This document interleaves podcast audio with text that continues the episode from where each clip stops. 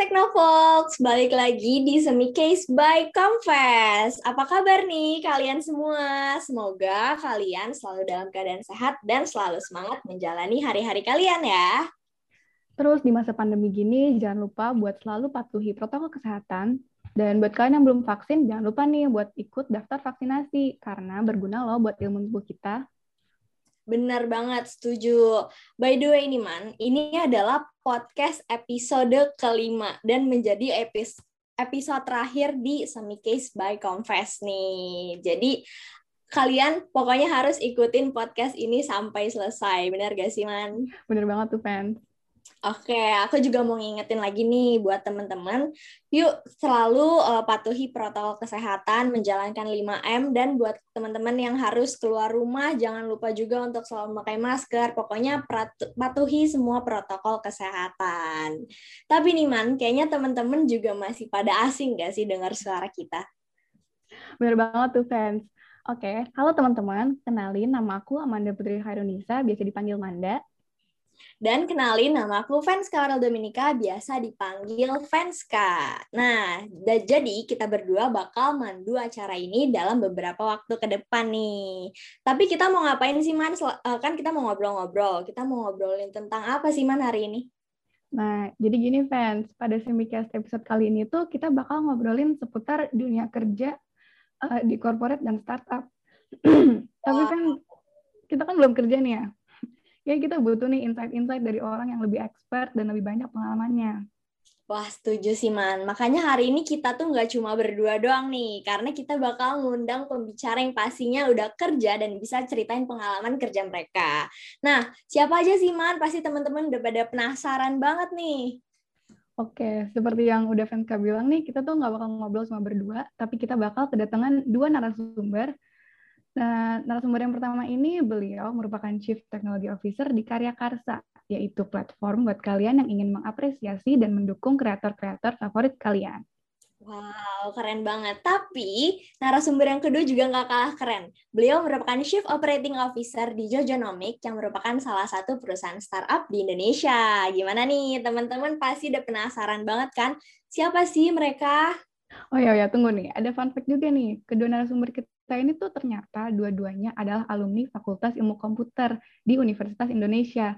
Dan gak cuma satu alumni, tapi mereka juga di satu angkatan yang sama, yaitu tahun 2021. Wow, 2001 kayaknya kita belum lahir ya, Man? Iya, bener banget.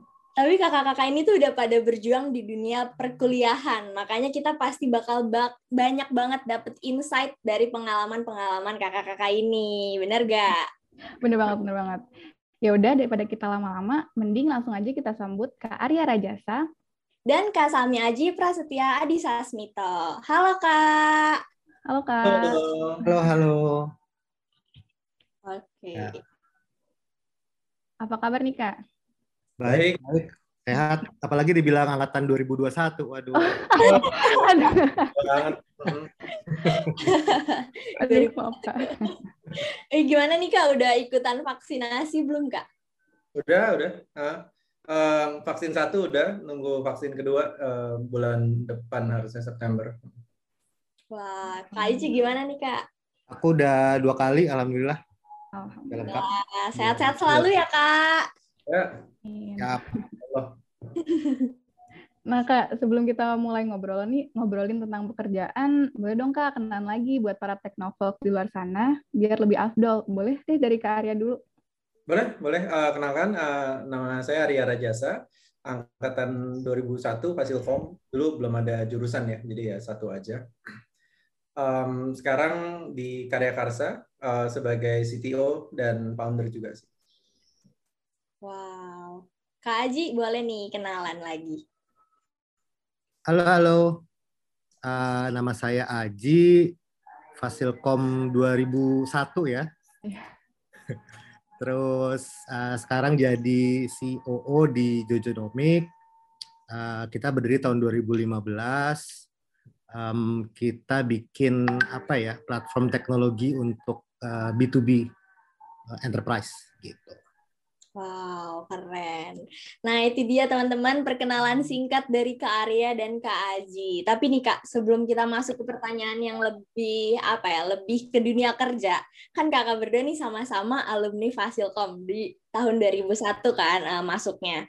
Nah, boleh dong Kak cerita-cerita sedikit tentang uh, kayak dunia-dunia perkuliahan, misalkan kayak boleh pengalaman intern selama kuliah atau pengalaman belajar atau apa pun deh Kak selama kuliah. Silakan Pak Haji dimulai Pak. um, kalau aku jujur dulu memang uh, lebih seneng uh, kegiatan-kegiatan yang non kuliah gitu. Jadi uh, seperti uh, melebarkan network ke FISIP, ke FE, ke hukum gitu, nambah-nambah teman gitu.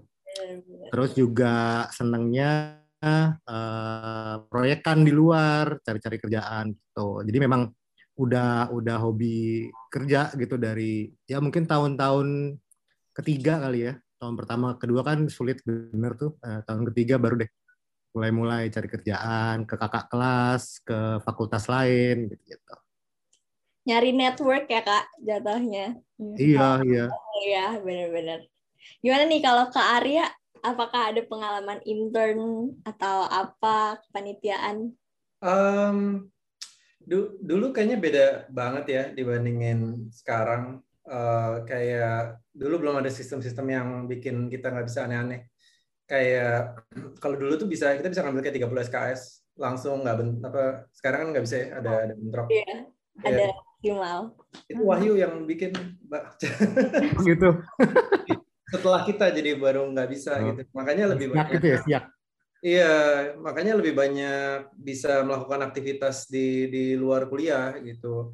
Di zaman kita juga dulu masih bisa uh, titip absen gitu kan. Sekarang udah digital. Bener kak.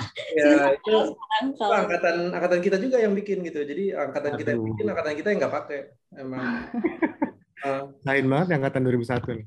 Iya makanya jadi uh, menyenangkan sekali sih dan uh, ya samalah kayak Mas Aji juga uh, kayak saya lebih banyak explore ke dunia luarnya um, karena ternyata pas uh, kerja juga lebih uh, butuh banget koneksi daripada um, ya maksudnya kalau kalau Peter banget terus nggak ada yang tahu juga kan percuma juga kan gitu. Hmm, benar.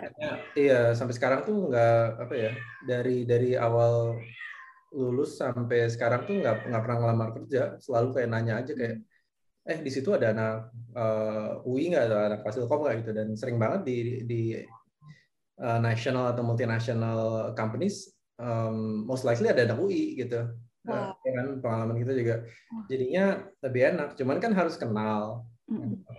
Waktu internship juga basically dikenalin gitu. Terus masuk World Bank juga itu uh, di dikenalin gitu uh, habis itu kalau nggak diterima karena uh, interviewnya jelek kan ya udah lah ya itu sih biasa gitu. Um, tapi at least buka pintunya tuh jauh lebih gampang kalau kita kenal sama uh, angkatan atas sama alumni gitu.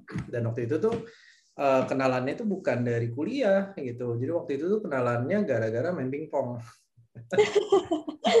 Jadi kayak apa saya itu orangnya tuh obsesif banget sama sama sama kalau mau obsesif sama satu hal tuh di di di kulit terus aja gitu. Jadi waktu masuk nggak nggak bisa main pingpong sama sekali. Ada meja dua, nggak tahu ya sekarang masih ada apa enggak. Um, dan dari dari masuk kuliah sampai malam selama empat tahun tuh ya kebanyakan di situ daripada di kelas. Gitu. Pingpong deh. Iya, main pingpong bisa kayak 8 6, 6 sampai 8 jam sehari gitu. Wow jadi ketemu kan sama alumni. Kan uh, dulu tuh ada kayak kayak olimpiade angkatan gitu. Uh, jadi ngelawan semua angkatan ngelawan alumni juga ngelawan sapam juga. Jadi kenal sama banyak orang sama alumni gitu. Dan kan kalau uh, bonding via olahraga tuh kan jauh lebih uh, close ya daripada yeah. via uh, interview atau atau ini apa jadi menarik banget jadi dekat sama angkatan 96 97 wow. Gitu. Padahal lumayan jauh ya kak. Lumayan jauh, lumayan jauh gitu. Tapi kan waktu itu kan gue kalahin semua tuh mereka. Kalau zaman dulu veterannya banyak. veterannya banyak, veterannya banyak. Jadi abis kita main pingpong, happy, seru gitu kan. Uh, ngobrol, diajak makan, ya udah lo kerja di company gua aja, lo lo di sini wow. aja kenal gitu loh. Jadi menarik gitu loh. Padahal sebenarnya tujuannya bukan itu, tujuannya emang pengen ngalahin mereka aja. gitu. Kompetitif ya anaknya. Apa kompetitif banget gitu. At that time ya, bukan sih kompetitif banget dan apa itu tuh kayak apa kalau dulu di Fasilkom tuh uh, Sapam tuh selalu menang. Jadi tahun ke tahun tuh Sapam tuh selalu menang. Jadi pasti tahun ketiga itu tuh satu-satunya di mana uh, ada mahasiswa yang menang di Olimpiade uh, kampus dan itu angkatan 2001 gitu loh. Jadi abis itu udah nggak ada lagi yang yang menang lagi. Pas gue udah menang, udah nggak nggak nggak ada interestnya lagi kan. Ah udah. ya udah kerja bener deh gitu. Baru-baru abis itu mulai uh, kuliah kerja bener. Kita juga ini loh satu-satunya angkatan di Fasilkom UI yang ngegolin di Olimpiade iya. UI. Iya. Wow. Angkatan lain nggak ada. Segitunya. Tips yeah. itu ya kak buat kita kalau cari network tuh nggak cuma di kampus belajar doang gitu kak. Yeah. Dari yeah. yeah. pun bisa kan. Bisa bisa. Uh, pingpong, basket gitu. Emang emang nggak pernah kuliah aja sih kayaknya kita ya. Kalau oh, aku oh, dulu ya, main kartu, main kartu ke FISIP, main kartu ke FE. Kak Aji gitu. nih suka main ke fakultas lain iya. gitu ya? iya mencari pergaulan. Iya, okay. soalnya juga ini sih perempuannya cantik-cantik tempat lain gitu. Iya, dulu cuma 100 soalnya. Jadi cuma 110 lah kira-kira uh, satu angkatan. 100-nya tuh cowok gitu. Hmm. Jadi uh, ya memang dikit banget sebenarnya kan angkatan-angkatan lain kan bisa 400, 500 gitu. Jadi kalau cuma hangout di Fasilkom doang jadi terbatas banget sih uh, networknya. Oke, berarti ini Kak, apa emang social networking itu penting banget ya buat nanti uh, seterusnya di dunia kerja gitu ya Kak? Penting, penting, uh, penting banget, uh, penting banget. Um, apalagi sekarang itu kan juga kebanyakan orang di hire itu karena reference. Gitu. Hmm. Kalau misalkan kita masukin CV, kita akan kompetisi sama ratusan orang lainnya yang masukin CV yang sama gitu. Bedanya apa gitu. Tapi ketika masuk dengan oh ini rekomendasinya si A atau rekomendasinya si B gitu itu di mata uh, rekruternya jadi jauh lebih bernilai gitu. dan based based on experience juga sih ya apa kalau kita hiring orang based on reference tuh pasti jauh lebih bagus dibanding iya uh, blue ocean gitu kita cari siapa gitu karena kita apa mereka juga nggak berani sembarangan rekomend kan jadi yes. pasti rekomend ke yang mereka yakin banget nggak malu-maluin buat mereka gitu. Kalau kalau malu-maluin kan itu reputasi mereka juga loh. Nanti kita nggak lagi kalau mereka rekomendasi orang yang jelek gitu. Istilahnya mereka udah punya kepercayaan lah ya kak kepada hmm. kita gitu. Iya. Ngomong-ngomong dunia kerja nih, boleh nih man. Oh ya kak, berarti kan uh, tadi katanya karya dulu pernah di corporate nih itu World ya. Bank. Terus kalau kak Aji tuh di Nestle. Terus kak uh, apa nih yang bisa yang bikin kakak sekarang tuh lebih pilih buat kerja di startup gitu? Ah, Oke, okay. uh, jadi uh, dua tahun pertama sih setelah kuliah sih fokus kerja nyari apa ya nyari tempat yang pas sebenarnya bukan bukan passion juga sih nyari duit kok uh, bodoh amat passion uh, jadi sebelum itu kan magang juga sempat magang di uh, perusahaan teman gitu ya teman main pingpong juga gitu uh, jadi waktu itu nyobain oh ternyata kerja di uh, company uh, bukan startup lah ya, company kecil lah ya, company kecil agency. Oh ternyata rasanya kayak gini gitu. Terus habis itu diajakin temen ke World Bank gitu. Um, waktu itu kan kayak wah World Bank nih perusahaan internasional, cobain deh. Belum belum pernah nyobain kan gitu. Uh, akhirnya interview masuk gitu kan, gaji gede lah ya, lumayan. Terus Eh, nggak uh, nggak cocok gitu. Karena birokrasinya tuh kental banget. Terutama ketika waktu itu tuh ditempatin ke government uh, official kan. Semuanya harus meeting satu kali meeting tuh 40 orang gitu. Terus semua keputusan tuh harus lewat kayak uh, A B C D gitu loh. Jadi mau ngapa-ngapain juga uh, susah gitu loh. Terus di situ baru nyadar oh ternyata gaji gede itu nggak bukan satu-satunya goal ya gitu. Um, habis itu kita ya udah coba deh pindah ke sesuatu yang lebih uh, sesuai passion lah quote unquote. Uh, sempat pindah ke perusahaan gaming. Jadi waktu itu tuh uh, Jatis, mungkin kalian familiar ya Jati Piranti Solusindo. Itu kan uh, apa software company lumayan gede ada di tiga negara. Itu dia baru buka mobile gaming division. Itu terus wah kan uh, suka banget main game ya kan? Bikin game seru dong. Ya udah boleh deh apply. Apply ternyata diterima gitu kan? Terus dapat gajinya yang ternyata cuma 20% daripada yang di uh, World Bank gitu kan? Agak nyesel juga sih. tapi ya udahlah gitu kan? Kita mau ngejar passion dulu gitu. Jadi terus ternyata main game sama bikin game itu beda banget. Bikin game itu stres banget gitu. Main game banget gitu um, terus akhirnya nyobain nggak nggak cocok gitu nggak cocok. Akhirnya uh, pindah-pindah lagi ke beberapa tempat sampai akhirnya tuh ngerasa kok kayaknya dunia korporat tuh nggak cocok ya gitu loh. Ini ini personal ya kan this is always a personal option gitu. Akhirnya nyobain. Ya udahlah gimana caranya kalau kita bikin company sendiri aja gitu. Nah ya jadi dari situ bikin agency, bikin sarap gitu. Dan ya keterusan aja sampai sekarang sih. Berarti uh, awalnya tuh dari kayak merasa tidak nyaman aja ya kak di dunia corporate, terus kayak yeah. pengen explore dan cari passion juga di dunia dunia kerja lainnya, jadi pindah. Iya, yeah. terutama juga kan uh, dulu itu beda banget ya sama sekarang. Kalau sekarang itu kan kayak sarapnya kan seru-seru gitu ya kan, terus kayak banyak apa ya? Mungkin kalau sekarang sih nggak nggak nggak bikin kamar sendiri malah kerja aja gitu kan enak. Um, kalau dulu kan ya masih relatif kaku ya kalau nggak kerja di auditor di uh, software company gitu loh di apa uh, di perusahaan-perusahaan yang memang besar yang yang ya udah gaji bagus karir path jelas gitu. Um, di situ tuh uh, secara pribadi tuh ngerasain kok kayaknya kebebasan itu kayak uh, dikekang banget gitu. Tiap kali mau melakukan apa kayak banyak banget kasus-kasus yang di mana akhirnya berdebat sama bos yang kayak kenapa nggak gini sih? Kenapa nggak gini sih? Gitu loh. Terus yang kayak bosnya cuma bilang ya bapak di atas bilangnya gitu gitu. Uh, terus ya kita harus nurut gitu kan. Dan itu tuh ganggu ganggu banget gitu. Uh, jadi akhirnya ya udahlah cobain deh kenapa nggak gini gitu. Begitu bikin company oh iya ternyata kenapa nggak gini? Iya karena nggak bisa. Uh, makanya company-nya bangkrut banyak gitu. Tapi ya nggak apa-apa itu pembelajaran Iya sih kak, emang kalau kita mau membangun sesuatu kita juga harus belajar dulu juga kan kak dari yeah. pengalaman-pengalaman. Hmm. Wah itu dia cerita kak Arya kenapa pindah akhirnya ke startup dari corporate. Kalau dari kak Aji nih kak, kenapa nih kak? Um, kalau aku sebenarnya kebetulan waktu itu ini sih apa baru-baru mau lulus gitu, terus uh, ibu nawarin, eh ada temennya ibu uh, petinggi di Nestle tuh gitu kamu apply aja kayak dia lagi pengen pengen rombak IT-nya Nestle deh gitu. Ya udah masuk deh gitu kan ke sana gitu bayaran lumayan. Terus yang paling menyenangkan di Nestle itu uh, dapat minuman gratis setiap kali ada susu, ada coklat gitu-gitu. seru, seru, seru. Nah, terus tapi juga ini sih yang aku seneng tuh uh, merasa I am part of a very large group gitu. Misalkan kan uh, apa namanya global company ya gitu. Terus tempat aku kerja itu sebenarnya bukan Nestle-nya tapi namanya Globe. Globe itu sebuah uh, eh, IT company yang me-service Nestle sedunia gitu. Hmm.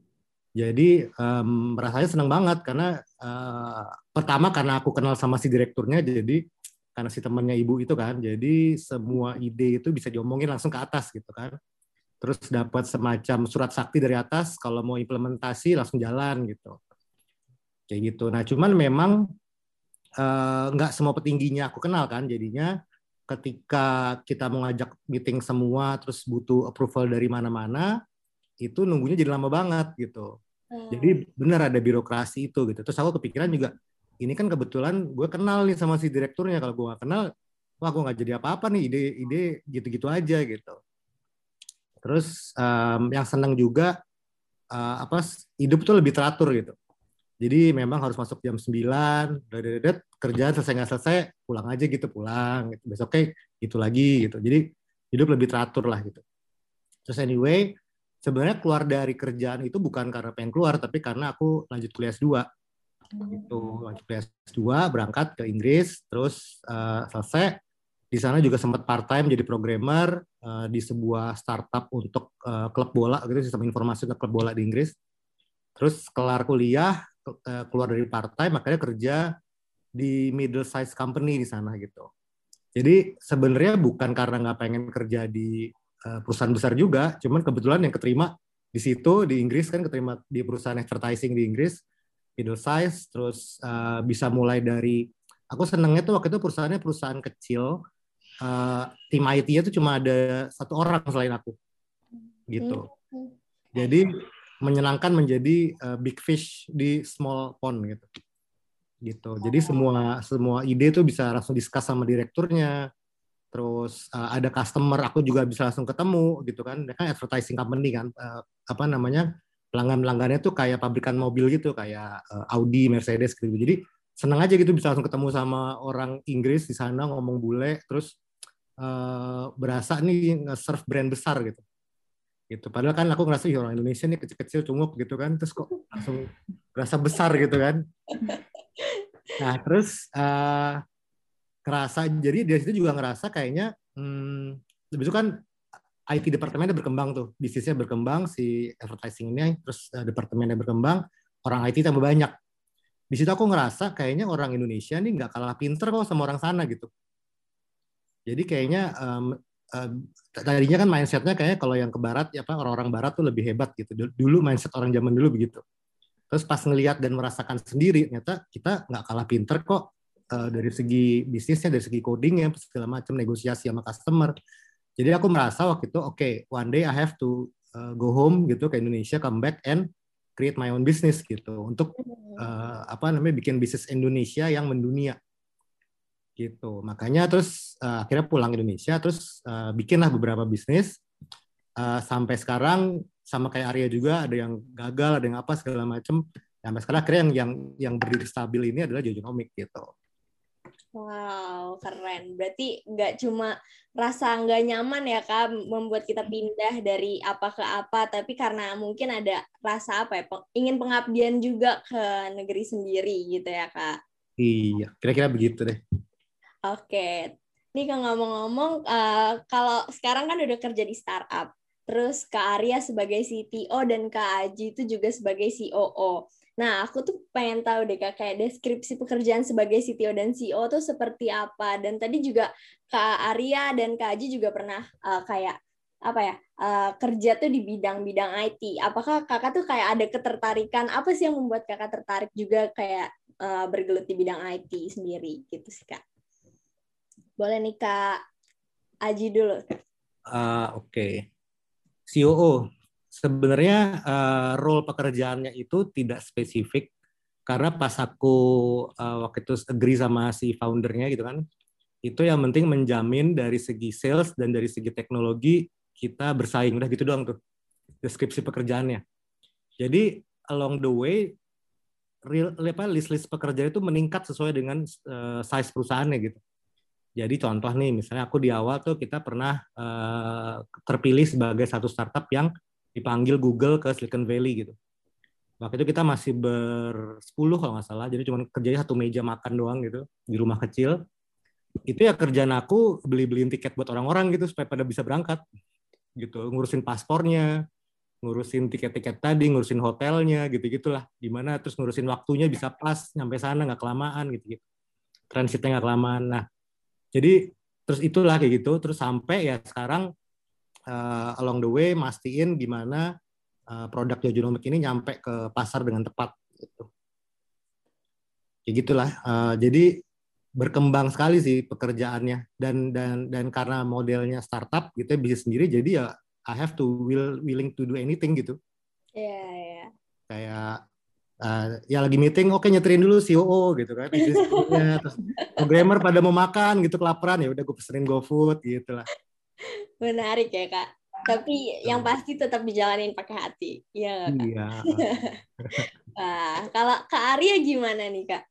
Pekerjaan sebagai CTO tuh seperti apa sih kak Iya, jadi kalau CTO itu ya everything technical ya di bawah CTO gitu. Uh, apa dan kalau CTO startup tuh agak beda ya, karena kan dari awal nih kita cuma berdua doang gitu. Yang owning sendiri semuanya, make sure semuanya jalan gitu. Terus uh, hiring, managing people, make sure uh, mereka kerjanya juga uh, sesuai gitu kan. Terus uh, training orang supaya dia bisa uh, training orang lain lagi untuk hiring lagi gitu. So um, semakin gede company-nya sih CTO tuh fokusnya malah lebih banyak ke orangnya. Jadi gimana caranya orang lain bisa optimal untuk ngerjain dari sisi teknikalnya gitu instead of uh, ngoding sendiri. Jadi ya sama sih memang memang grow over time uh, banget sih. Uh, kayak ingat banget pas awal-awal tuh ya kalau lagi down ya udah ke server apa kotak-atik benerin nih gimana caranya supaya bisa up all the time gitu. Jadi sekarang ada orang-orang yang bisa handle itu. Ya sekarang teleponin mereka ini kenapa down gitu. Bedanya cuma itu aja sih sebenarnya. makin bos lah. ya lama-lama udah, udah aku masuk sendiri deh, aku benerin sendiri gitu. Ya sometime gitu. Tapi nggak oh, kalau kerjanya bener sih harusnya nggak gitu. Wow. Hmm, berarti kak apa untuk kayak apa ngelakuin kerjaan yang sekarang nih itu tuh berarti ilmu-ilmu yang di kuliah tuh dipakai banget nggak sih kak? Terus kayak dipakainya tuh gimana gitu di kerjaan uh, sekarang? I don't know. To be honest, uh, kayak banyak banget hal di kuliah yang nggak dipakai sama sekali sebenarnya karena teknologi itu berkembangnya cepet banget ya kan. Yang basisnya itu kepake banget sebenarnya karena teknologi-teknologi baru bahkan kayak blockchain sendiri itu kan itu teorinya tuh ada di tahun 80-an tapi teknologinya belum nyampe gitu kan. Basis data sampai sekarang juga iya relational database ya dari dulu ya begitu-begitu aja gitu loh. Cuman um, sejalannya dengan waktu ini kayak tiap enam bulan ada teknologi baru gitu jadi memang harus terus belajar gitu terus belajar gimana caranya supaya habis itu kita harus decide oke okay, ini kita harus pindah ke sini ini harus ubah ke sini apa segalanya gitu loh um, jadi kalau dari sisi kuliah ilmu yang ada di kuliah yang banyak kepake itu justru yang dasar banget gitu atau yang nggak ada hubungannya sama teknikal gitu. jadi kayak apa kayak kayak nyesel banget tuh dulu itu tuh nggak belajar ilmu yang lebih banyak dari sistem informatik apa sistem informasinya gitu loh. Jadi kayak uh, apa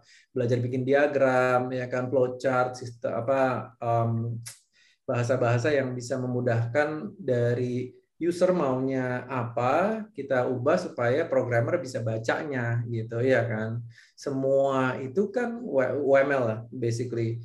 Itu kayak dulu tuh nggak nggak menarik gitu. Dulu tuh senangnya ngoding aja nyobain apa segalanya gitu. Nah sekarang tiap hari ngurusinnya ya dokumen, Excel gitu kan, terus kayak flowchart ya kan, sistem infrastruktur, bikin gambar, diagram, habis itu nyuruh orang buat ngerjain gitu loh. Jadi sekarang jadi belajar lagi semuanya. Oh, ternyata kayak gini-gini dulu penting gitu. Um, jadi ya ham, ham, banyak banget yang nggak kepake sih, to be hmm. Lebih ke kita harus update juga ya kak, kayak sama perkembangan yeah. dan bisa di-apply ke mananya gitu. Iya, iya, iya banget. Kalau menurut Kak Aji gimana nih kak? Pengalaman uh, kuliah kakak, apakah diimplementasikan di dunia pekerjaan sekarang? Um, ada yang ke implementasi banget adalah uh, kemampuan ngeles nggak deh cabut ngeles gitu. Nggak sekolah secara konten yang sangat kepake ada sih. Jadi pernah tuh aku uh, pas kerja di Inggris itu suruh sama bos aku dibikin suruh bikin website tapi dasarnya itu Rubik's Cube. Tau nggak Rubik's Cube yang kayak bisa diputar-putar benerin ada enam sisi yeah. itu. Nah itu mesti bikin pakai 3D waktu itu bikin pakai uh, Adobe Flash gitu deh Nah, itu kan mesti translasi, translasi apalah gitu-gitu. Nah, itu belajar di kalkulus dulu. Nah, sekalinya kepake tuh ilmu itu. Sip, tapi gak pernah kepake lagi. Terus yang kepake banget sampai sekarang itu sistem informasi akuntansi. Nah, itu buat aku kepake banget karena buat jalanin bisnis mesti ngerti kan accounting gitu. Itu sangat terpakai. Tapi kalau secara konteks, um, Iya benar tadi kata Arya. Jadi buat aku juga yang sangat penting dan dulu tuh nggak terlalu terasah itu adalah uh, apa bisnis analisis, sistem analisis gitu. Dari bikin apa flowchart, UML dan lain-lain. Aku tuh sampai akhirnya belajar dari Udemy tau nggak? Lihat-lihat lagi Udemy satu-satu gitu kan. Pelajarin berapa kelas gitu. Jadi kayak mahasiswa lagi coba dulu gue nggak cuman apa kita tuh dulu gini dapat brief dari uh, project misalnya atau dari kuliah langsung udah ngoding aja gitu kerjain bikin beres gitu kan. Mm. Padahal kan harusnya ada some sort of database design yang proper, terus flowchart design yang proper gitu sehingga semua itu make sense gitu dari apa end to end dari depan sampai belakang gitu. Nah ini enggak gitu dulu cuma ya udah penting coding aja jadi beres submit gitu. Sebenarnya ada ada yang harus dipelajarin otodidak juga ya kak, berarti? Ada ada, iya ada ada banget gitu. Um, apa ya? Ada banget sih, terutama yang yang yang dulu tuh aku rasa sangat missing itu dan itu dipelajari secara otodidak adalah kemampuan untuk uh, ngomong di depan publik dan present. Oh.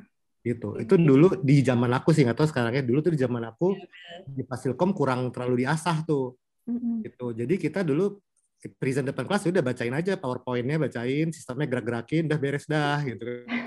Nah, di in real world kan it doesn't work gitu. Siapa yang tertarik sama itu kan itu iya. apalagi kalau kita apa ngejalin startup ini kan we have to uh, attract our customers, mm-hmm. our investors gitu kan. Menjual diri itu penting banget gitu untuk punya kemampuan itu dan itu otodidak akhirnya. Benar. Gitu. Apalagi kita juga itu mau kerja ada wawancara kan ya kak? Iya. Pasti kepake yeah. banget untuk komunikasinya. Iya. Cuma kalau wawancara tuh aku ngeliat kalau kerja kan uh, our CV tells us everything gitu kan. Kadang-kadang kita jualan di lewat CV kan lebih mudah ya tinggal tulis-tulis gitu. Tapi kan kalau investors, uh, customers, partners, they don't look your CV gitu. Iya, benar-benar kak. Cuma lihat ini kan bagus nggak nih company-nya gitu. Tapi kalau ngomong-ngomong tadi masalah untuk masuk kerja nih kak, menurut kakak apakah IPK, latar belakang kampus atau koneksi gitu berpengaruh nggak sih kak untuk kita tuh sebagai apa ya uh, mungkin kayak fresh graduate atau orang-orang yang lagi cari kerja tuh berpengaruh nggak sih kak kalau buat dapetin pekerjaan tersebut? penting penting uh, ini apa ya uh, ini ngomong dari experience penting tapi yang penting buka jalannya dulu karena banyak sekali jabatan yang mengharuskan kita punya ijazah ya kan? Karena gini sesimpel gini kalau ada seribu yang lamar terus habis itu uh, yang apa 800 punya ijazah S1 ya kan? Yang 200 nggak punya ya nggak bisa masuk dong ya kan? Jadi pintunya kan makin tertutup gitu. Terus abis itu mereka kan nggak tahu kita kerjanya gimana terutama fresh graduate ya fresh iya. graduate kan kita nggak tahu nih mereka kerjanya gimana semuanya fresh graduate gitu jadi mau nggak mau pasti ngelihat kuliahnya di mana Iya kan? Dan karena itu satu-satunya parameter yang bisa di compare gitu. Baru habis itu IPK gitu. Jadi apakah IPK paling penting? Enggak, enggak juga karena uh, ya ya memang tidak adil ya, memang tidak adil. Tapi ya gimana lagi gitu. Kalau IPK di uh, uh, sekolah yang kurang reputable dinilai lebih rendah daripada IPK yang uh, sama di sekolah yang lebih reputable. Gitu. Terutama ketika kita mau masuk ke uh, multinational companies gitu itu itu ngaruh banget bahkan ada beberapa kayak auditing companies yang ya pokoknya kita cuma mau hire uh, American graduates aja gitu wow ya udah gitu kan hmm, ya itu kan maunya mereka kita harus hmm. ngikutin atau ya ya udah selesai gitu. Jadi apakah penting? Penting banget gitu. Tapi setelah itu hmm, uh, udah berkurang kepentingannya. Karena ketika kita sudah punya pengalaman mak makanya ini pas internship pas kita ada koneksi apa ke mana ya kan pas internship pas pas kerja lapangan tuh kita kita ada bangun koneksi gitu ya kan? Nah setelah itu pengalamannya kan udah bangun portofolionya udah ada reference itu udah ada. Jadi udah ada orang yang ngelihat cara kita kerja mereka bisa rekomendasi kita ke tempat lain. Setelah itu udah udah nggak terlalu penting. Wow setuju ya. sih kak. Karena pengalaman juga kita harus uh, punya banyak untuk apa ya untuk dilihat juga nggak sih kak? Kayak kita tuh pernah pengalaman kerja di mana aja terus uh, mungkin rekomendasi dari orang tersebut juga ya kak. Hmm. iya iya tentu saja gitu. Dan ya kalau rekomendasinya jelek ya ya udah that that sticks gitu. Iya setuju setuju. Ini penting banget nah untuk you start right gitu. Habis itu mau ngaco-ngaco ya terserah. Berarti jatuhnya kalau di corporate tadi kan uh, Kak Arya juga sempat bilang uh, multinational company ya. Berarti itu lebih strict di hal tersebut ya, Kak? Lebih, lebih, lebih strict. Karena mereka punya standar yang mereka tentukan sendiri yang kalau kita nggak masuk nggak masuk. Udah selesai hmm. gitu. Mereka nggak mau tahu. Dan kalau kita bilang tapi gue pinter banget gitu. Ya mana buktinya gitu. Ya kan? Dan buktinya kan cuman baru ada ijazah sama sertifikat gitu kan. Kalau yang kata nyokap gue, gue pinter gitu. Ya kan? Nggak bisa. Pacar gue, gue pinter. Wah, setuju sama Kak Arya. Nah, menurut pendapat Kak Aji gimana nih Kak?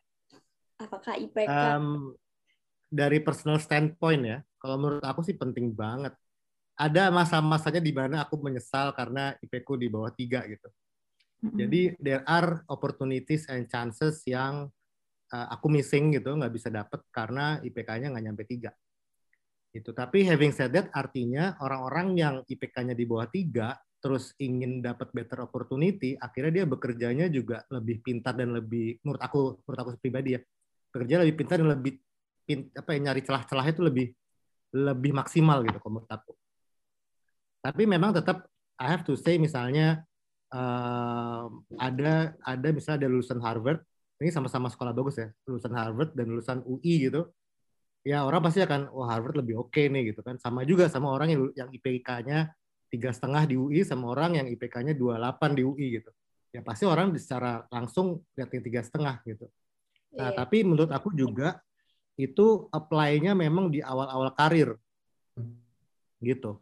Kalau udah ke sininya lagi sih udah ternyata dari track record, dari pertemanan, dari relasi, terus seberapa banyak portfolio yang kita bangun di belakang nih, gitu kan? Jadi kayak misalnya lu pernah kerja di perusahaan mana aja, apa apa produk yang pernah lo hasilkan, gitu kan? Terus uh, salary-nya pernah sampai berapa, gitu. Nah itu yang yang yang, yang akhirnya at the end of the day itu matter the most rather than the uh, apa namanya IPK rather than the grades gitu. Tapi tetap di awal-awal ya itu penting jadi waktu aku awal karir aku suka berharap pada semua kayak apa namanya andaikan IPK aku di atas tiga gitu hmm. ada pikiran-pikiran kayak gitu gitu ada teman-teman yang IPK tiga masuk sana gampang masuk sini gampang gitu kan sedangkan aku dan teman-teman yang IPK di bawah tiga ini mesti wah kerja keras ngapain nih kita ya gitu kayak gitu tapi ya itu dua-duanya tetap menurut aku tetap punya keuntungan dan kekurangan sama-sama juga gitu. Mm -hmm. Oh, berarti itu emang kayak IPK, latar belakang kampus, terus kayak koneksi itu emang untuk awal-awal di karir kita tuh emang penting banget gitu ya, Kak? Penting banget, penting banget. Uh, Oke. Okay. Hmm, tapi, terus, Kak, tapi, tapi aku juga ya. pernah ketemu sih, misalnya, tapi udah sekarang-sekarang ya, udah umur segini gitu, orang-orang yang sekolahnya uh, bukan negeri gitu ya, terus IPK-nya juga biasa-biasa aja dulu, gitu, tapi ya sukses banget gitu. Hmm. Jadi memang uh, apa namanya pengaruhnya tuh di awal-awal doang. Iya, maksudnya ini gitu. sih kayak kenapa kita bilang penting banget, terutama kan ini kan materinya ditujukan untuk uh, anak kuliahan gitu, ya kan. Tapi kalau kita mau ngomongin outlier, ya sebenarnya sih uh, banyak juga kok yang bisa sukses gitu. Ada ada temen yang dia bahkan cuma lulusan SMA tapi dia belajar ngoding dari kecil gitu. Dia punya portofolio. Nah ini ini yang penting. Dia punya portofolio dia bikin uh, apa dia bikin uh, kodenya tuh open source terus itu ada komunitas yang ngebangun di atas itu gitu. Jadi dia biarkan pekerjaannya dia tuh berbicara untuk untuk untuk dia gitu. Uh, dan banyak banget juga uh, di US itu yang yang kayak gitu. Jadi dari dari umur 16 dari apa dari teenager days-nya mereka uh, programming early days gitu. Terus habis itu ya akhirnya sukses juga gitu. Itu itu juga bisa apa dan uh, bedanya adalah gini kayak kalau fresh graduate kan kuliah habis itu fresh graduate kan nggak ada karyanya. Ya kan? Nggak ada yang bisa dilihat gitu. Tapi kalau dari kecil udah terbiasa untuk berkarya dan ini jarang banget ya. Kan kayak kayak apa saya juga pas SMA ya taunya pacaran gitu kan. Kayak hmm. ngapain bikin karya gitu. Um, tapi kalau sekarang kan udah bisa ya kan? Udah bisa udah bisa ditunjukin ke dunia gitu ya kan? Dan hmm. itu bisa berbicara untuk mereka sebenarnya. Tapi uh, window of opportunity-nya sebenarnya yang lebih tipis gitu jadi apakah outlier ada ada gitu tapi kalau mau melebarkan kesempatan sebesar besarnya ya sebaiknya sih dibagusin ya, ya track record on papernya. Hmm. Jadi yang masih tingkat satu dua tiga gitu, nah bagusin tuh IPK-nya. kalau tingkat empat IPK-nya rendah, nah jangan jangan sedih juga. Ya. Banyak jalan menuju Roma gitu. Tadi katanya Mas Arya kan, banyakin portfolio nih dari sekarang gitu. Benar-benar. Setuju Kak, setuju. Ya, jadi buat teman-teman yang sekarang lagi nonton atau dengerin itu uh, apa tetap ya apa jangan lupa buat terus belajar kayak kalau bisa IPK-nya juga jangan yang jatuh-jatuh banget gitu nih kak. Iya. Nah. Terus, jangan di bawah tiga, pokoknya jangan di bawah tiga. Iya, jangan nyampe di bawah tiga gitu ya. Oke, terus kak, uh, kayak lanjut ke pertanyaan selanjutnya nih kak. Kan kakak sekarang dua-duanya lagi kerja di startup nih kak. Uh, boleh kali ya uh, dijelasin gini kak, gimana sih apa kerja di startup tuh teknisnya tuh gimana, terus budayanya tuh gimana? Boleh mungkin dari kak Aji dulu. Um, jadi startup aku tuh pernah dari yang karyawannya ada di bawah 10 tadi sampai pernah di atas 100 terus sampai pernah juga uh, turun lagi gitu di bawah 100 gitu. Jadi itu menimbulkan culture yang beda-beda juga hmm. gitu.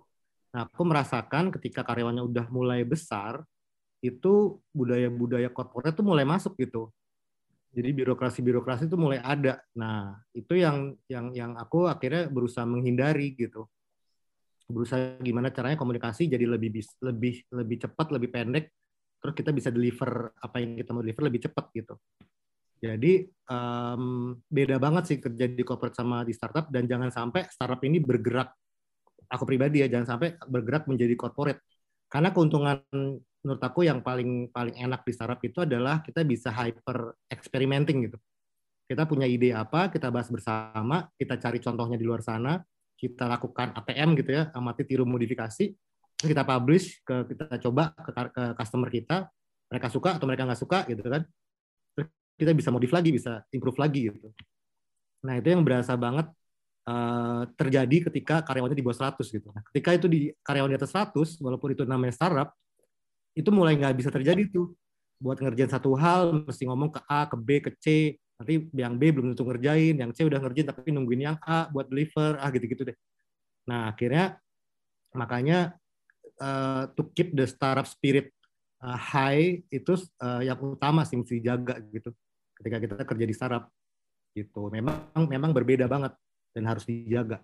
Dan itu ngejaganya uh, effort gitu. Jadi nggak bisa cuma satu orang yang bilang kayak gitu, tapi benar-benar kita harus ngejagain semua itu kita sebagai leader di startup mesti mesti usahain itu gitu ya kalau apa kalau kalau saya sendiri sih ini pengalaman pribadi ya bisa beda banget soalnya karena startup itu kan uh, tipenya banyak banget yang kayak korporat banget juga ada gitu biasanya yang funding yang gede banget terus hire seribu orang and everything ya jadinya ya kayak kayak korporat juga gitu cuman setelah pengalaman di dunia korporat sama di dunia uh, startup itu pembeda paling gedenya itu adalah gini. Kalau di uh, itu kamu itu satu gear di dalam mesin yang gede sekali. Gitu. Ya kan? Jadi kenapa mereka berharap sebisa mungkin kalian geraknya gitu-gitu aja gitu. Maksudnya ya kalian muter aja, kalian muterin sebuah proses yang gede banget. Karena kalau kalian tiba-tiba inisiatif aneh-aneh, mesin gedenya tuh susah jalan paling gampangnya uh, kayak gitulah gitu. Jadi kebanyakan kebanyakan ya sekali lagi kalau korporasi kayak agency apa segalanya yang require initiative and everything ya beda lah gitu. Tapi kebanyakan korporasi itu uh, seperti itu. Um, you you are part of you are a small part of a bigger machine do as told gitu. Aneh-aneh diganti. Karena ya iya kalian satu umur aja ya kan? Kalau kalau nggak nggak nggak cocok nih ya kan? Ganti aja. Udah sesimpel itu. Dan memang korporasi harus seperti itu. Kalau nggak sekali lagi mesinnya nggak jalan gitu. Ya kan? Nah kalau startup namanya aja startup gitu ya kan kebanyakan dari startup ini mencoba sesuatu yang baru Uh, mungkin idenya nggak nggak benar-benar baru banget, tapi mungkin baru di di region itu, di domain itu gitu loh, di very specific vertikalnya seperti itu gitu loh. Jadi mencoba sesuatu yang baru gitu. Jadi kalau mencoba sesuatu yang baru, ya nggak bisa dong kita bikin mesin yang gede, habis itu ya gerakin aja kita nggak tahu, ya kan kita nggak tahu bikinnya gimana apa segala. Jadi kita harus eksperimen sebanyak-banyaknya. Jadi di dunia startup itu sering kali orang-orang yang mungkin pengalamannya belum di tahap tertentu sudah diberikan kesempatan untuk melakukan hal-hal yang kalau teman-temannya butuh lima tahun, 10 tahun ke depan. Gitu. Makanya sering banget uh, kita dengar tuh kayak dia baru kerja dua tahun tiga tahun tiba-tiba jadi VP gitu. Ya kan? Dia uh, apa dia baru masuk tiba-tiba disuruh in charge untuk ini gitu loh. Kayak waktu e-commerce awal-awal datang itu ada anak baru tiba-tiba dikasih budget oke ini 6000 dolar sehari buat ad spending lu belajar aja deh gitu. Kalau nggak habis eh, berarti gagal berarti besok lo habisin gitu. Sehingga loh ini gimana? gitu. Ya biarin aja duitnya banyak gitu ya kan. Dan akhirnya mereka belajar banyak sekali gitu. Jadi itu, juga yang yang dialamin banyak orang yang kerja di startup tuh mereka dikasih overwhelming uh, responsibility kalau gagal ya stres gitu kan dipecat atau yang nggak cocok pindah ke kantoran yang lebih uh, stabil gitu. Tapi begitu berhasil karir path tuh melejit tinggi sekali gitu. Dan begitu keluar dari situ mereka bisa bikin startup sendiri. Karena kebanyakan staffnya kan masih kecil ya kan? Jadi mereka tahu lebih banyak tentang proses bisnisnya berjalannya seperti apa. Jadi kebanyakan itu tidak spesialis kebanyakan itu dikasih topi banyak gitu kayak oh bantu di sini ya bantu di sini ya gitu ya kan. Kayak apa programmer tapi kalau ada AC uh, eh, rusak benerin juga lah sekalian nama supirin gue ke ke mana-mana gitu. Um, ya na nasib gitu loh karena ya memang kurang orang gitu akan selalu kurang orang kalau berkembang terus. Tapi kan dari situ kita ikut meeting uh, bos bisa lihat gitu ya kan bisa oh gini apa segalanya. Jadi very very valuable uh, apa variable lesson yang bisa dipelajari dalam waktu yang sangat pendek. Tapi apakah stres banget? Most of the time iya. Ah, perasaannya tuh kayak kerja dua atau tiga kerjaan sekaligus gitu. Tapi speed karirnya kalau berhasil itu kencang banget. Wah, berarti ada plus minusnya juga ya Kak untuk kerja di startup dan di corporate karena pasti banyak yang ada. Mungkin yang di startup ada, yang di corporate nggak ada. Tapi mungkin untuk gearnya sendiri untuk di corporate itu emang udah stable gitu ya Kak. Banding dengan yang startup. Oke nih Kak, aku mau nanya kan uh, karena Kak Aji dan Kak Are juga lulusan uh, Fasilkom, menurut kakak kebutuhan IT dan pembagian pekerjaannya dalam bisnis proses tuh di startup dan corporate itu seperti apa sih kak? Boleh nih kak Arya dulu kali. Wah itu itu pertanyaan yang sangat open ended banget karena benar-benar tergantung kebutuhan korporatnya itu sendiri kan atau atau company-nya itu sendiri kan. Tapi kalau dari trennya yang yang lihat sih menariknya sih gini sekarang hampir nggak ada perusahaan yang tidak menggunakan teknologi. Hampir nggak ada, ya kan? Dan dan perusahaan-perusahaan yang tidak menggunakan teknologi kemungkinan besar akan ketinggalan dibandingin kompetitornya gitu loh. Jadi that's never a better time to be a programmer gitu loh atau atau work in IT gitu. Standar gajinya juga gede banget, kesempatan juga gila banget gitu loh. So it's it's an it's an amazing uh, apa momentum and time to be a programmer gitu. Nah, um, seberapa besar peranan IT sangat bergantung ke posisi korporasinya itu lagi ada di mana. Gitu. Kebanyakan korporasi mengaku mereka digital, banyak banget gitu. Cuman seberapa digitalnya mereka, ya beda-beda gitu. Uh, apa begitu ada COVID kemarin, akhirnya semuanya terpaksa digital. Jadi uh, apa yang berperan sangat besar untuk digitalisasi korporasi itu ya COVID memang gitu. Dan jadinya kan membuka banyak banget kesempatan gitu. Orang-orang apa perusahaan-perusahaan yang tidak tidak go digital fast akhirnya kalau nggak mati ya ber, ya mati perlahan gitu. Atau ya lambat aja growth-nya to yang akhirnya nggak bisa ke mana-mana gitu. Sementara yang jauh lebih siap uh, susunan IT-nya malah berkembang gitu. Kita ngelihat kayak Zoom contohnya ya kan yang malah melejit banget gede banget uh, tiba-tiba founder jadi bilioner gitu. Karena momennya pas gitu. Teknologi adalah kuncinya gitu terus contoh yang bukan IT ya yang memanfaatkan teknologi IT dengan baik itu adalah Domino's jadi Domino's di US itu sahamnya melejit gede banget padahal kan ya apa bedanya sih sama Pizza Hut gitu jadi ternyata mereka memanfaat, apa, memanfaatkan momentum digitalisasinya dengan bagus. Mereka punya app sendiri, gitu. mereka fokus ke delivery. Gitu.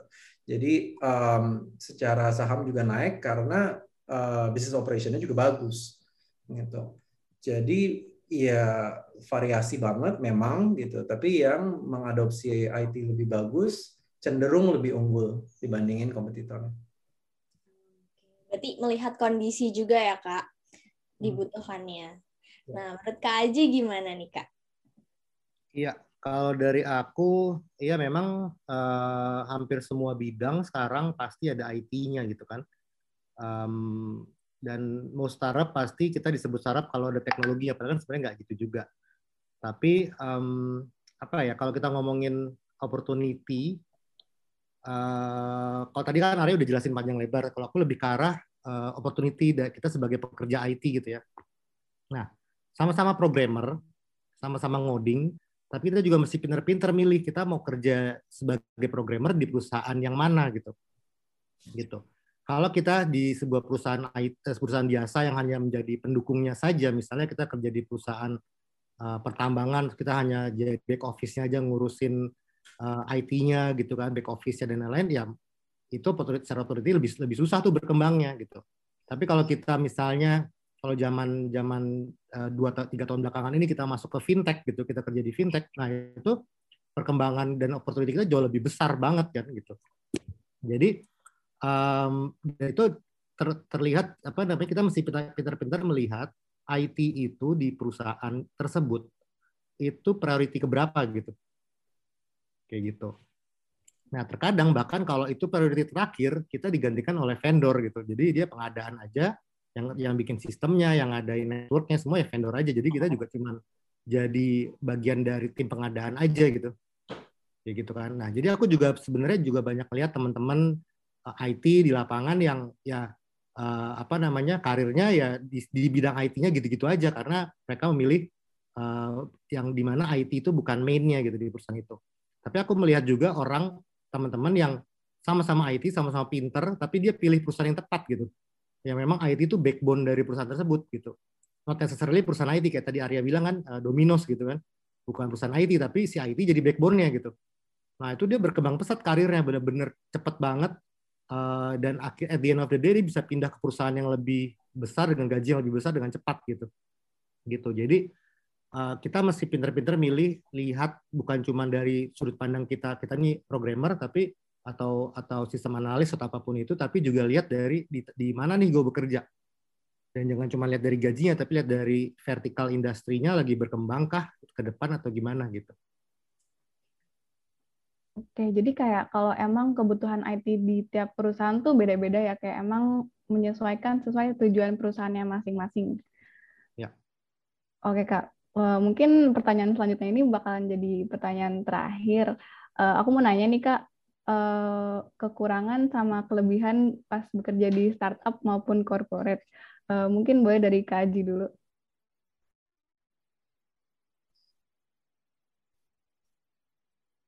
Oke. Okay. Um, kalian di corporate dulu ya. Di corporate itu strukturnya udah ada yang bikin gitu. Jadi aku tinggal ngikutin struktur aja, struktur organisasi, struktur pekerjaan, terus reporting line, terus uh, gaji gitu semua udah terstruktur aku tinggal ikutin hidup beres yang penting perform gitu terus dari segi fasilitas uh, tentunya karena udah well established jadinya semua lengkap lah dari kesehatan uh, apa namanya buat transportasi dan seterusnya tuh udah udah udah kita tinggal merem aja gitu terima hmm. beres gitu terus kemudian uh, kepastian masa depan juga rasa rasanya lebih lebih pasti gitu nggak deg-degan kayak gitu. Terus um, kalau kita kerja di corporate yang memang bagus, tentunya untuk kita pindah ke tempat lain juga lebih gampang, hmm. gitu. Jadi udah portfolio kita jadi nambahnya juga cepat gitu kan. Dari misalnya kita kerja di let's say BNI gitu ya, dari bawah dari MT sampai jadi jadi supervisor apa sampai jadi manajer beneran itu kan udah portfolio kita udah terbukti gitu mau pindah ke bank lain atau BUMN lain juga lebih mudah gitu misalnya Nah, tapi memang kalau kekurangannya di, di, di corporate, uh, yang juga tadi merupakan kelebihannya adalah strukturnya. Untuk kita bisa mencapai uh, posisi yang tinggi itu emang makan waktu. Jadi perlahan-lahan ngikutin karir, tunggu ada yang pindah, tunggu ada yang pensiun, baru kita mulai naik gitu kan, pelan-pelan naik, naik, naik, naik gitu. Terus kemudian uh, ke, uh, kekurangannya juga tadi kalau kita punya ide, itu belum tentu di, di, diimplementasi gitu gitu. Terus karena segitu besarnya opportunity juga di, di di corporate maka ide kita juga kadang diambil sama orang lain sama dia diimplement gitu kan. Jadi apa ya uh, opportunity-nya kadang-kadang juga nggak nggak equal gitu. Suka tidak ada uh, misalnya si A kenal bos B si si C kenal bos A kita nggak kenal siapa siapa nah itu kan opportunity jadi berkurang gitu. Bukan di situ terus tadi apa uh, ide jadi kita tidak bisa hyper experimenting tadi gitu, mesti nunggu, nunggu giliran lah istilah kata gitu nah kalau di sarap di sarap itu keuntungannya ini karena startupnya aku mendirikan sendiri ya, bukan aku bekerja di startup gitu. Hmm. Jadi keuntungannya adalah uh, besarnya gaji aku atau atur sendiri, gitu kan. Terus kemudian um, timnya uh, terbentuk under my own decision gitu. Ya paling aku berunding sesama founder gitu kan. Terus ya udah kita tentuin timnya ini gitu. Terus arah pergerakan perusahaan juga aku yang nentuin sendiri mau mau kita mau jualan ke siapa, uh, marketnya siapa gitu kan, cara presentnya gimana, cara jualannya gimana itu kita nentuin sendiri. Jadi benar-benar uh, freedom freedom untuk mengcreate gitu, hmm. kayak gitu. Terus uh, apalagi ya, um, secara secara cepat gitu ya, aku uh, bisa bertemu dengan petinggi-petinggi yang kalau aku kerja di corporate dengan umur segini mungkin aku belum bisa ketemu secara equal gitu. Misalnya aku bisa ketemu sama uh, direkturnya Pertamina misalnya gitu ya sesama direktur gitu padahal dia udah sekian lama di karir dia aku baru baru berapa tahun gitu kan tapi kita bisa equal gitu ketemu. Kayak gitu. Jadi banyak uh, opportunity yang terbuka juga dari segala macam bidang gitu terus um, startup itu juga senangnya adalah ketemu sesama co-founder sama founder di startup lain jadi kita berbagi stresan berbagi kesenangan gitu-gitu kan jadi main bareng gitu. Jadi ada ada ada apa ya common common enemy gitulah gitu. Nah kekurangannya adalah uh, karena ini startup yang aku found sendiri ya jadi kita mesti kita tahu tuh runway kita tinggal berapa lama. Jadi runway itu kayak berapa lama lagi ya sampai perusahaan gue bangkrut gitu. Nah, itu kita tahu hmm. sendiri kan. Jadi tiap hari is a, is a, apa ya kayak kalau main NBA itu waktunya udah hampir habis terus gitu rasa-rasanya gitu jadi deg-degan terus gitu selalu living living in the edge gitu benar-benar di ujung tanduk terus gitu rasanya itu terus um, kita, aku tuh bertanggung jawab atas banyak orang gitu itu juga sebuah hal yang uh, apa namanya kadang-kadang kepikiran uh, Allah kasih ini pantas nggak ya gue menjalankan gitu kayak gitu ada perasaan-perasaan kayak gitu uh, bertanggung jawab terhadap nasib orang-orang gitu kan. Terus um, apalagi ya? Ya itu mungkin ya uh, dua hal tadi menyebabkan tingkat stres yang yang lumayan tinggi juga gitu. Hmm. Gitu walaupun dikompensat dengan keseruan nih. Gitu. Mungkin untuk startup emang lebih Itu dari aku. Lebih hmm. bebas hmm. tapi uh, emang lebih stres untuk memikirkan harus apa harus apanya gitu ya, Kak iya ke arah mana nih kita besok nih gitu. Nah. Gimana nih kalau pendapat Kak Arya? Kelebihan. Ya, paling mau nambahin aja ya, kayak keuntungan dari korporasi itu adalah you're part of a big deal. Ya kan? Kayak ngomong sama mertua eh, ngomong sama calon mertua enak tuh ya kan? Kayak kerja di mana? World Bank gitu ya kan? Pasti tahu dong itunya enak. Jadi um, prestis itu kerasa banget memang gitu. Dan dan untuk sebagian orang itu memang penting ya. Jadi ya nggak apa-apa gitu. Prestisnya tuh dapat facilities definitely gitu kan. Kalau udah di startup susah banget ini mau bisnis apa fly business tuh udah gila beberapa tahun kagak fly business uh, ya itu ya have to let go lah ya demi ini gitu. Tapi kekurangannya itu nambahin dari uh, Mas Aji uh, office politics ini yang yang jujur bikin uh, kerja di korporasi itu kurang enak sebenarnya. Bukannya di startup nggak ada office politics ya, ada juga gitu. Tapi biasanya biasanya itu lebih rendah gitu. Uh, drama office politik tuh uh, kental sekali, terutama untuk semisalkan korporasi besar yang banyak banget tuh bos-bosnya itu naik karena mereka lama aja di situ ya Allah kucing gua. maaf ya, maaf ya.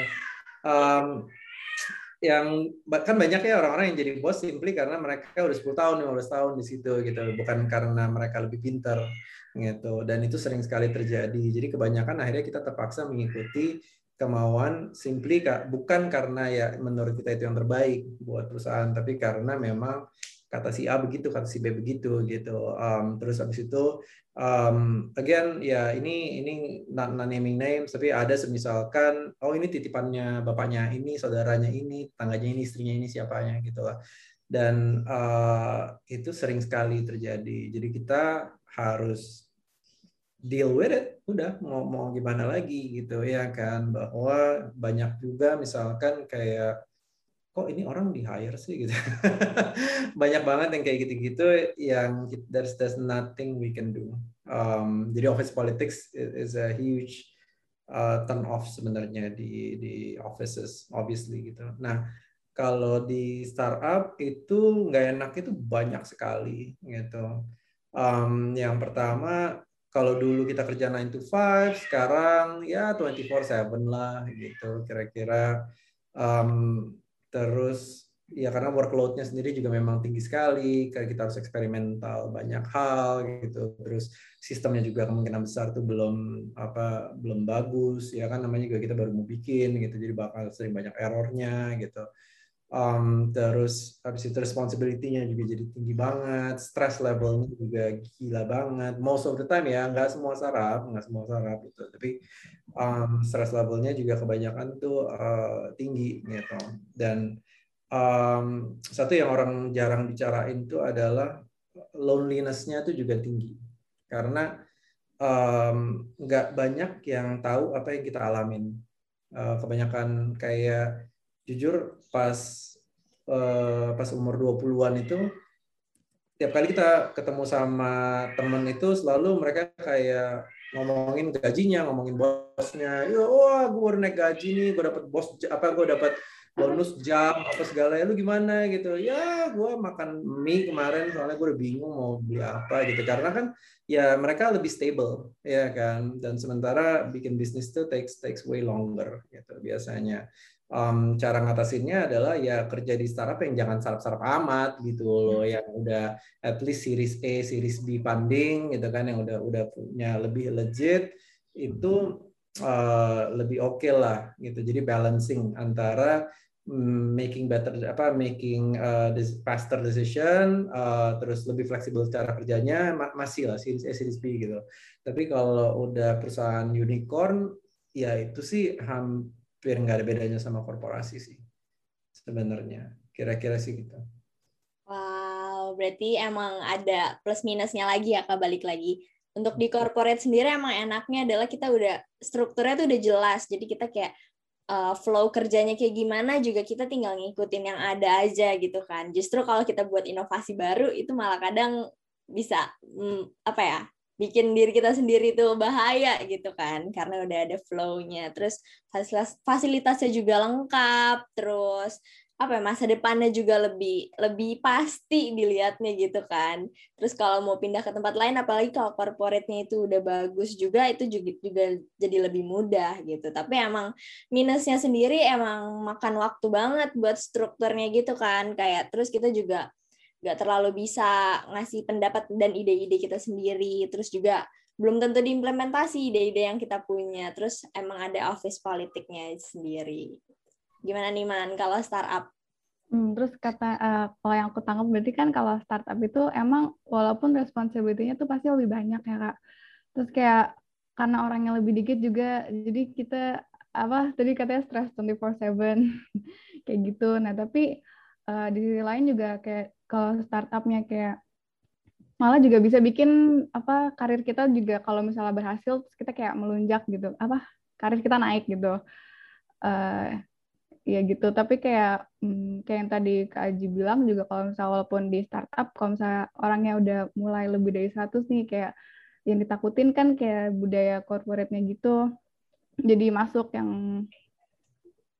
ya gitu jadi apa ada lagi hierarki hierarki gitu benar-benar iya Jadi pilihan lah ya untuk teman-teman mau kerja di corporate atau di startup karena ada enak dan gak enaknya pasti di setiap pekerjaan. Wah man, kita banyak banget nih ya dapat uh, cerita-cerita dari pengalaman Kak Arya dan Kak Aji hari ini. Iya nih. Uh, terus uh, kita jadi ini nggak sih fans kayak lebih terbuka nih pikiran kita kayak nantinya mau lebih di corporate atau di startup gitu kan ya? Iya, semoga teman-teman juga nih yang dengar lebih lebih apa ya, lebih tahu ntar arah kalian tuh mau ke mana gitu kan. Iya, semoga uh, perbincangan kita kali ini tuh bisa menginspirasi teman-teman semua. Amin, amin banget. Semoga kalian semua dapat insight dari Kak Arya dan Kak Aji hari ini. Iya wow. benar banget. Tapi sayang banget nih fans, kan kita sekarang nggak kerasa nih udah di penghujung acara. Wah, iya sih. Padahal kita kayak masih mau ngobrol banyak nggak sih, Man?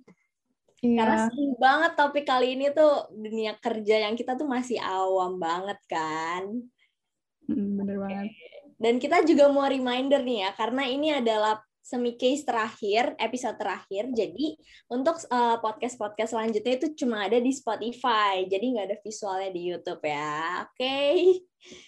Oke deh, kita udah mau nutup acara hari ini. Kita mau ngucapin makasih banyak juga nih buat Kak Arya dan Kak Aji yang udah sempetin waktunya datang hari ini. Ya, makasih banyak nih Kak.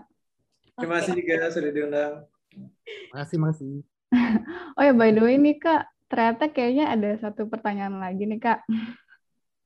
Uh, boleh nih Kak, ada nggak apa speech buat orang-orang di luar sana yang sekarang lagi dengerin apa speech? Iya, speech. Ya, pesan-pesan ya, buat pesan-pesan buat. Kan suruh pidato. enggak. Kayak pesan-pesan aja sedikit gitu buat yang lagi dengerin sekarang.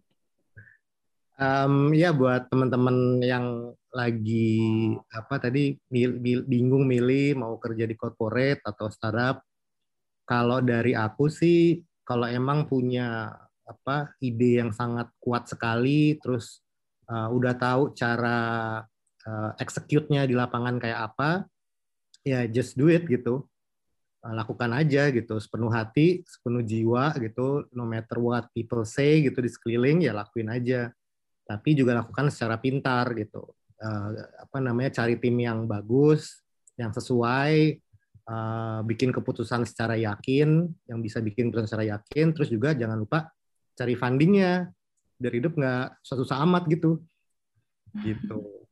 Tapi juga kalau teman-teman yang buat apa namanya yang memang kerja di corporate juga nggak isu juga gitu. Karena memang uh, tipe orang beda-beda kan gitu jadi ya bisa juga kerja di corporate dulu terus nanti tiba-tiba ada ide ketemu tim yang yang yang kuat juga akhirnya baru mulai startup juga istilahkan atau tetap di corporate sampai akhirnya pensiun juga oke okay, gitu jadi kalau dari aku sih ya go with the flow aja gitu.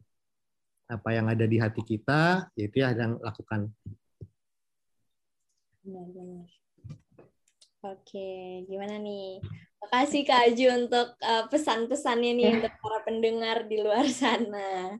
Boleh nih dari Kak Arya sekarang.